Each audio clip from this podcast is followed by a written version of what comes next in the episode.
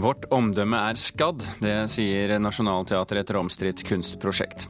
Kongens nei ser ut til å lykkes med en av de mest omfattende lanseringskampanjene en norsk film har fått. Og hele fire-fem forskjellige kunstutstillinger har tegningen som tematikk denne høsten. Så spørs det om det er noe igjen av tegning etter hvert som alle har smarttelefoner og iPader. Og så skal vi selvfølgelig snakke om den store TV-debatten i USA i natt også. Men vi begynner altså ved Nationaltheatret fordi en eh, kunstvideo som gir inntrykk av at Nationaltheatret beklager samarbeidsprosjektet med det israelske teatret Habima, har skadet teaterets omdømme. Det innrømmer informasjonssjef Øystein Hygen Christensen. I helgen har Nationaltheatret mottatt mange henvendelser fra utlandet. Vi har jo mottatt gjennom hele helgen, etter at uh, dette kunstverket ble gjort kjent og publisert uh, på fredag eh, henvendelser fra eh, Israel. Både myndigheter, israelske medier og kommentatorer. Og Der har det vært uttrykt et, eh, et ønske om at vi skal trekke kunstverket. Det sier informasjonssjef Øystein Hygen Christensen ved Nationaltheatret.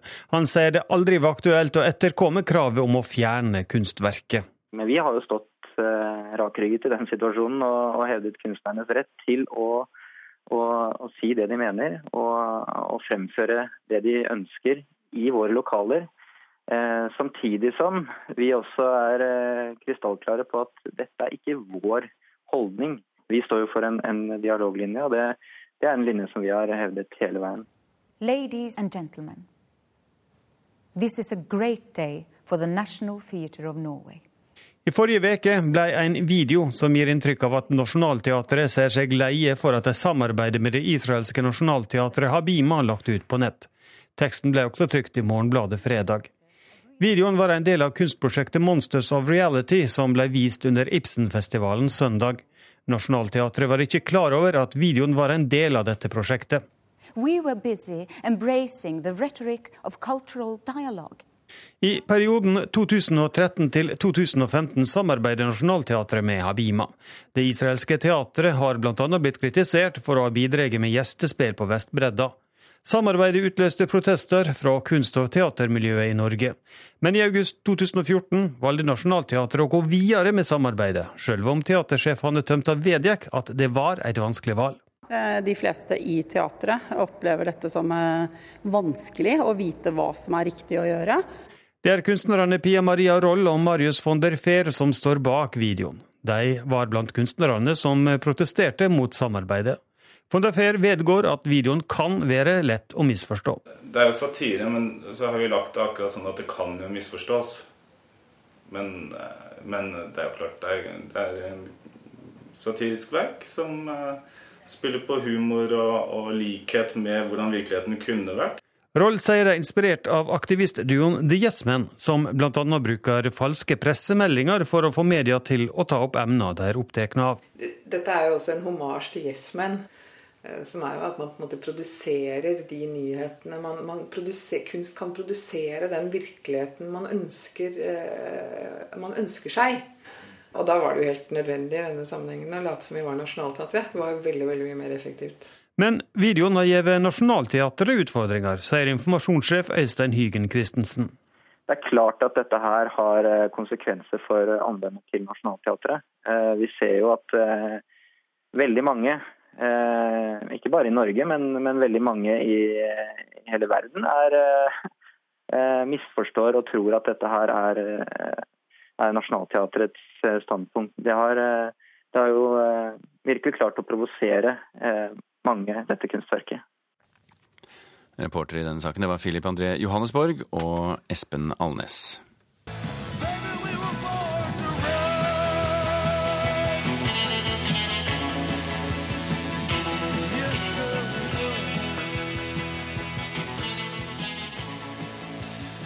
For veldig mange så er dette kjente toner fra sjefen selv og hans eh, låt 'Born to Run'. I dag slipper Bruce Springsteen den nye biografien sin, som har fått samme navn, selvsagt. Reporter Mari Malm, står det noe i avisen om denne boka i dag?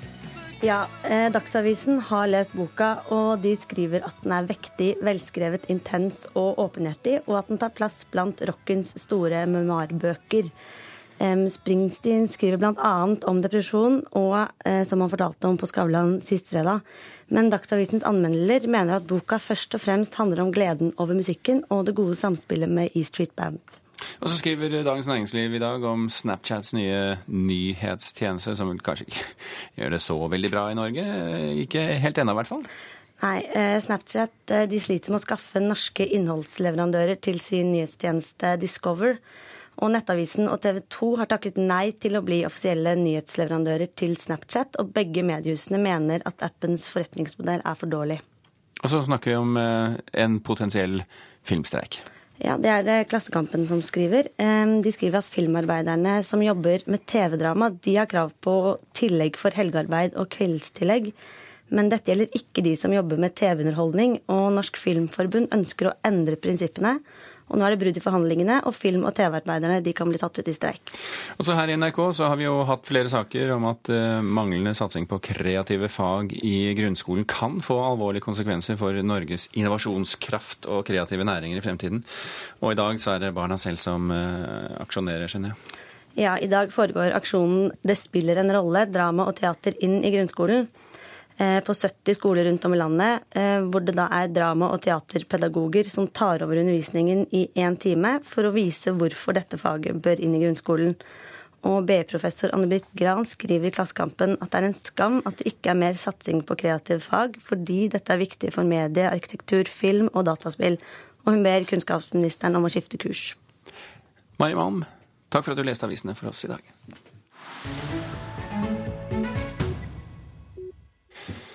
Ja, Som vi har hørt på radioen i dag, dere som har vært oppe en stund, 62% av de spurte mener Clinton vant debatten, mens 27% sier de syns Trump var best.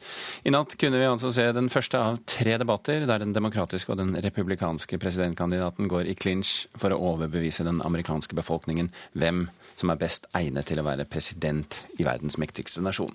Den undersøkelsen bare så det er sagt, den er gjennomført av CNN, som vi vet nok lener seg litt mer mot demografiske tankesetter, bare så det er sagt. Kjell Terje Ringdal, førsterektor i retorikk ved Høgskolen Kristiania, velkommen til Kulturnytt. Tusen takk. 62% for Clinton, altså 27 for Trump. Syns du de tallene forteller sannheten om styrkeforholdet i debatten? Det var faktisk overraskende at det var såpass klart i Clinton-favør. Jeg trodde at det også der skulle være en refleks av det som er en refleks i Trumps politikk, nemlig det å ta opp frustrasjon. Så når de da blir så tydelige, så føler jeg at det gir et bra bilde av hvordan debatten faktisk forløp, og hvordan den engasjerte forretningsmannen møtte den rutinerte politikeren. Og der var det jo den rutinerte politikeren som vant. Mm. Vi vet jo ikke helt om Dette, dette er altså ett tall, det kommer flere tall utover dagen, tenker jeg. Og, og kanskje ligger ikke styrkeforhold akkurat der, kanskje litt bortenfor. Men tror du det betyr noe for Trumps velgere? Tror du det har noe å si på meningsmålingene etter hvert som de kommer inn? Ikke noe særlig. Fordi det man vet, er jo at politiske valg foretas ofte fra maven og oppover, og ender i beste fall opp i fornuften, altså hvor man rasjonaliserer det man egentlig føler. Og det er jo der Trump henter sin kraft. Han er i stand til å målbære den frustrasjonen og den forlattheten som middelklassen i USA føler, og han scorer på det å være ikke-politiker. Men det som da selvfølgelig er det store spørsmålet, er jo hvor mange vil faktisk velge en ikke-politiker til president, selv om mange har sympati for ham. Vi skal unne oss et lite klipp, eller noen klipp, fra debatten i natt.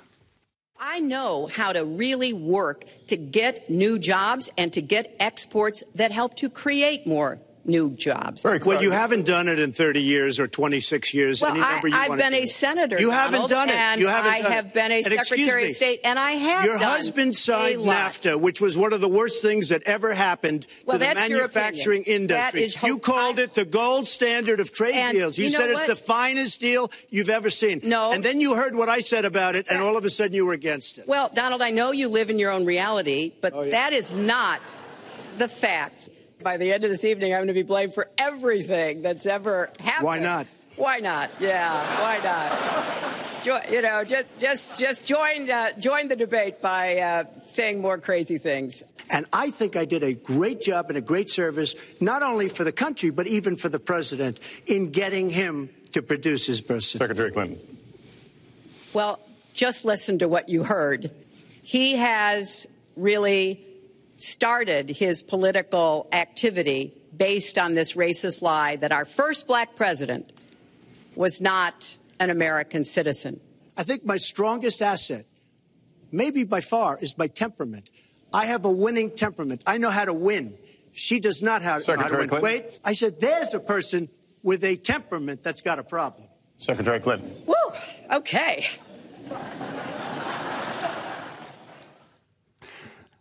Du sitter og ler litt underveis. Det er selvfølgelig et eh, litt eh, selektivt utvalgt klipp, må vi si her, men hva forteller de deg?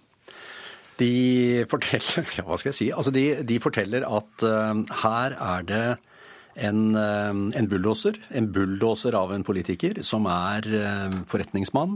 Hele hans politiske plattform er jo å se verden som om det var forhandlinger i et businessmøterom. Han scorer på, han henter kraft fra 'jeg har erfaring som businessmann, jeg har blitt fryktelig rik'. Og i og med at jeg har blitt så rik, så betyr det også at jeg er en suksess. Mm. Og en suksess bør man velge til forretningsmann. Og det er på en måte litt sånn det er en røffhet i det, og det er en, en barsk tilnærming. Men jeg tror nok at eh, i denne sammenhengen, når det er så mye som står på spill, så tror jeg nok at eh, de argumentene kan være festlige å høre på, men jeg tror ikke de går helt hjem. Ifølge Huffington Post så avbrøt Trump Clinton 50 ganger, mens hun avbrøt ham bare 17. Hva forteller det oss? Ja, for, altså hele, Hvis vi ser på det som retorikken kaller for aktio, altså hvordan ser du ut, hvordan er du, hvordan smiler du, hvordan interagerer du med, med din de, motdebattant, så er det helt åpenbart at eh, Clinton vant 7-0, eller 10-0, eller 14-0. Hun er rett og slett mer polert, mer veloppdragen. Og klarte også å hente fram eh, noen blendende smil eh, og en sjarm i mye større grad enn den lett aggressive og defensive Trump, som jeg tror liker dårlig å diskutere med sterke kvinner. Men nå er det jo slik at dette er vel litt av TV-showets karakter, er det ikke det da? Få frem, det, få frem eh, styrken i sitt eh, eget, og, og, gjerne bryte disse reglene som du nå snakker om. Ja, og det er jo det som vi kjenner fra, fra veldig mange si, ytterliggående politiske bevegelser. Det å erklære og markedsføre seg som noe annet enn politiker, det eh, fungerer. Det fungerer politisk eh, opp mot velgerne, men det fungerer også eh, mediemessig. For dette er jo verdens største TV-show. Eh, det amerikanske valget er et enormt businessprosjekt, hvor det at det er jevne kamper, det at to stykker kjemper mot hverandre, altså det er nesten like spennende som fotball-VM. Veldig klart, veldig tydelig. Rødt mot blått, kvinne mot mann, tøff mot myk. Skal vi glede oss med andre ord til de to neste debattene? ja, jeg gleder meg fryktelig mye, og jeg blir jo ikke lei av dette her. Nei, du kommer ikke, kommer ikke, til å bli lei, og hvem vet, kanskje du kommer tilbake til Kulturnytt for å snakke om flere av dem. Eh, Kjell Terje Ringdal, takk for at du var med i denne omgang. Klokken har passert 16 eh, minutter over åtte. Du hører på Kulturnytt, og dette er toppsakene i Nyhetsmorgen nå. Hillary Clinton var klart best i den første presidentdebatten med Donald Trump. Det mener et flertall av de som ble spurt i en meningsmåling utført av CNN rett etter debatten. I Colombia har regjeringen og FARC-geriljaen signert fredsavtale for landet. Avtalen ble signert av Colombias president Juan Manuel Santos og FARC-leder Rodrigo Londono. Og hvis ikke sparing til pensjon gis bedre betingelser i neste års eh, budsjett, så er det et løftebrudd fra regjeringen. Det mener pensjonsøkonom i Storbrann, Knut Dyre Haug. Statsministerens avskjed var en gave fra oven. Jo, Hambro er mannen som kunne ledet oss nå. Ja, I stedet sitter vi med en regjering på oppløsningens rand. Hvordan kan du gå med, med på sånt? I stedet for å kritisere hele tiden, så prøv å lytte litt. Prøv å lære noe.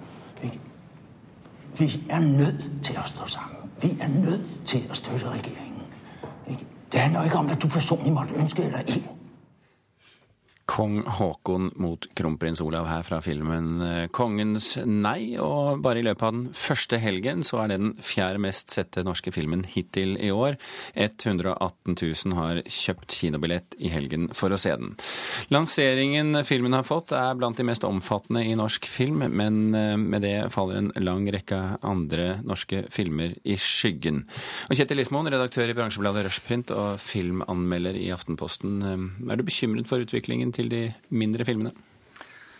Ja, jeg skrev vel en kommentar for et par uker siden i Aftenposten hvor jeg eh, mente at de mindre og mellomstore filmene burde bite litt hardere fra seg.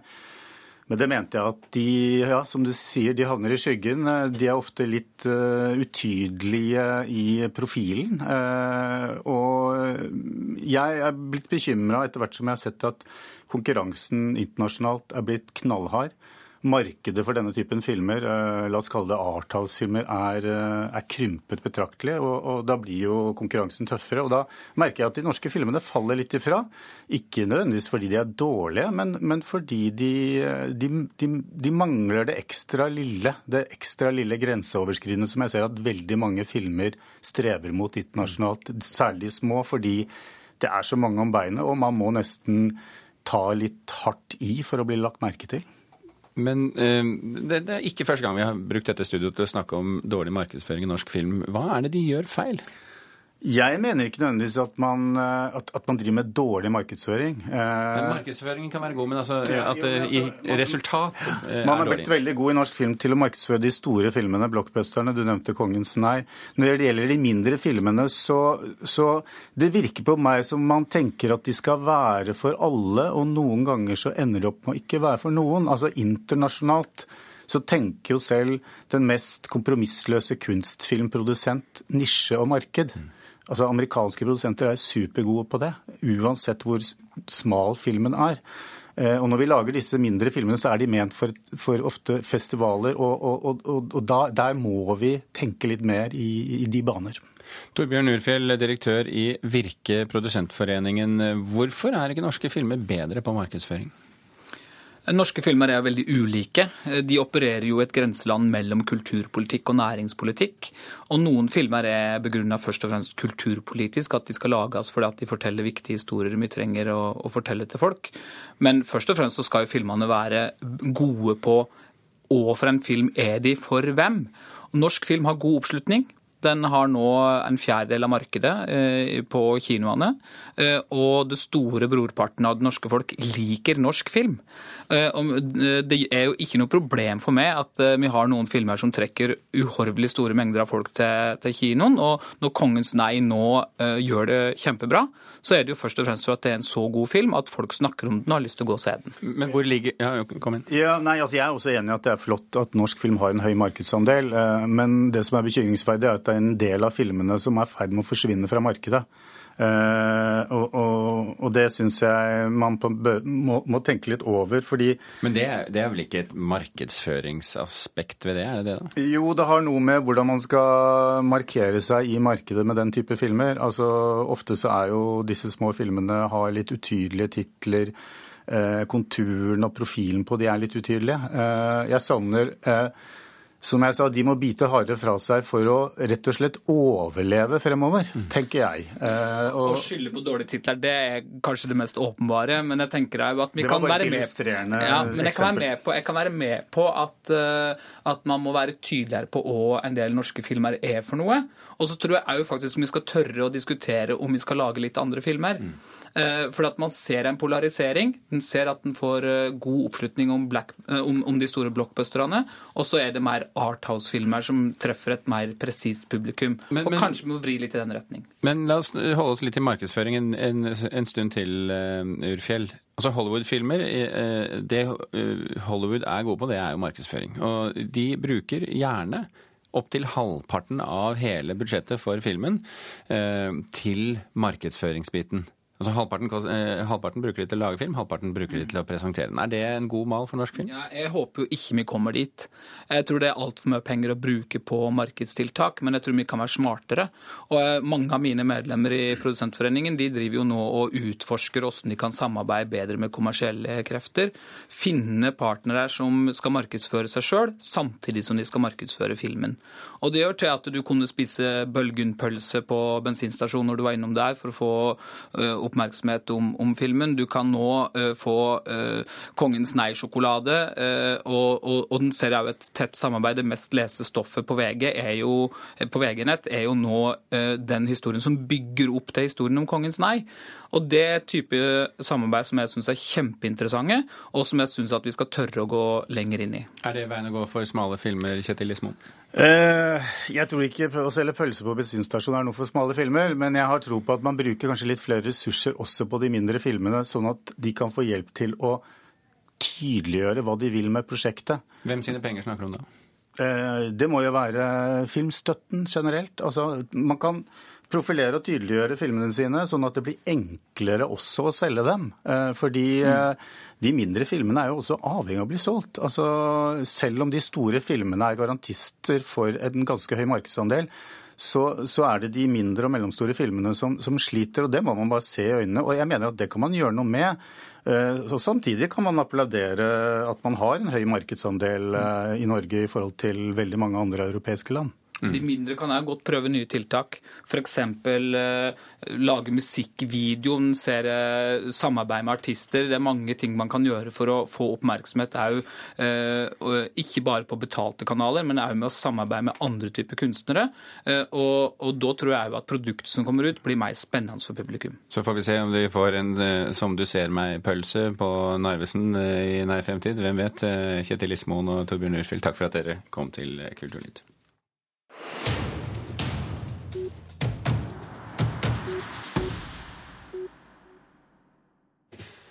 Den som er opptatt av tegning, har mye å glede seg til uh, nå i høst. Man kan få med seg den store tegnefestivalen The Big Draw på Akershus kunstsenter. En av våre fremste tegnere, Lotte Konoblund, viser nå i stor bredde på henne i Onsdag kunstsenter. Og sist, men på ingen måte minst, før helgen så åpnet altså den åttende tegnebiennalen i Oslo sentrum, som vi skal anmelde nå. Mona Palle Bjerke, det høres nesten ut som vi er midt i en bevegelse her? Ja, men hvis vi skal se det sånn, så er det i hvert fall ikke noe noen ny trend eller noe uh, flyktig bølgeslag. For det har rådet en tegnebegeistring i kunstfeltet i veldig mange år. Og det som har slått meg da i de ti-tolv årene jeg har fulgt Tegnebiennalen, det er jo hvilken friskhet tegningen har.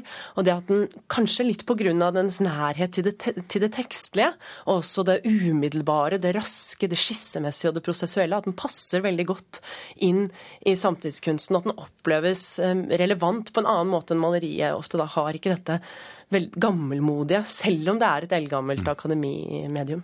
Men, men, eh, du og jeg vi har jo snakket mange ganger de siste årene om hvordan eh, eh det eh, kunst Altså det taktile, materialbaserte kunsten, mm. eh, brukskunsten, er på vei inn i, i, selve kunsten også. Er dette en del av samme bevegelse, vil du si? Ja, men det er en mye lengre trend, holdt jeg på å si. Så det er jo mye mindre nytt enn den nye materialbegeistringen. Men det inngår jo litt i det.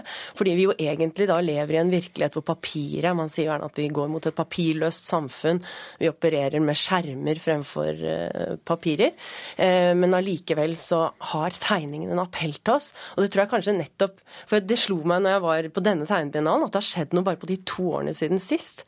Vi har en større fjernhet til tegningen i hverdagen. Vi skribler ikke lenger sånne distraksjonstegninger når vi snakker i telefon, rett og slett fordi vi ikke sitter fast på et sted når vi snakker i telefon. Vi lager kanskje Eller ikke engang blyant. Eh, ja, og huskelapper. Ja, og selv eh, håndskriften vår er jo kanskje noe vi har et fjernere forhold til. Vi mm. bruker ikke så mye penn og blyant, vi har et veldig nært forhold til tastaturet. Eh, sånn det, men det kan gi en, en, ny type appell til tegningen, tenker jeg, fordi den representerer en virkelighet som er på, på vei til å forsvinne, og som vekker kanskje en nostalgisk lengsel i oss. Den åttende tegnebiennalen den favner 52 eh, ulike kunstnere, og de fordeler seg på etter hvert tolv forskjellige visningssteder. Og du, du nevnte skissen som årets tematikk. Hvorfor skal vi bry oss om skissen?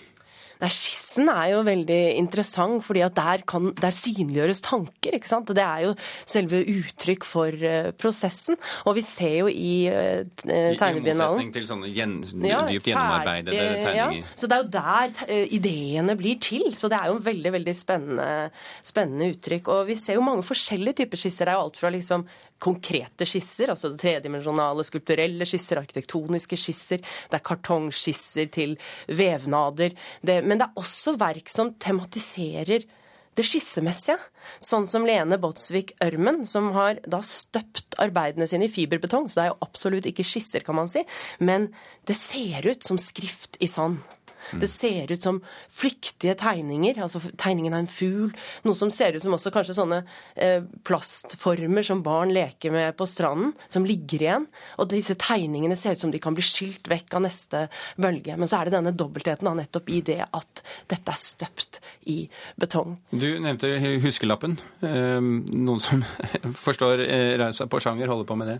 Ja, det er et, en stor kollasj som fyller en hel vegg med Post-It-lapper og andre huskelapper. Veldig heftig, også som, nesten som et maleri med små fortetninger av rosa, skinnende gult, blått, og der står jo alt som Du kan ikke parkere hvor du vil, selv om du har BMW, eller et lite barn som har skrevet 'Jeg har mistet tannen min, kjære tannfe, men jeg vil gjerne ha penger eh, likevel'. Eller en type eh, på en måte veldig sånne prosaiske ting som ting som kan knuses, men som blir da litt poetisk når det tas ut av sin sammenheng. Mm.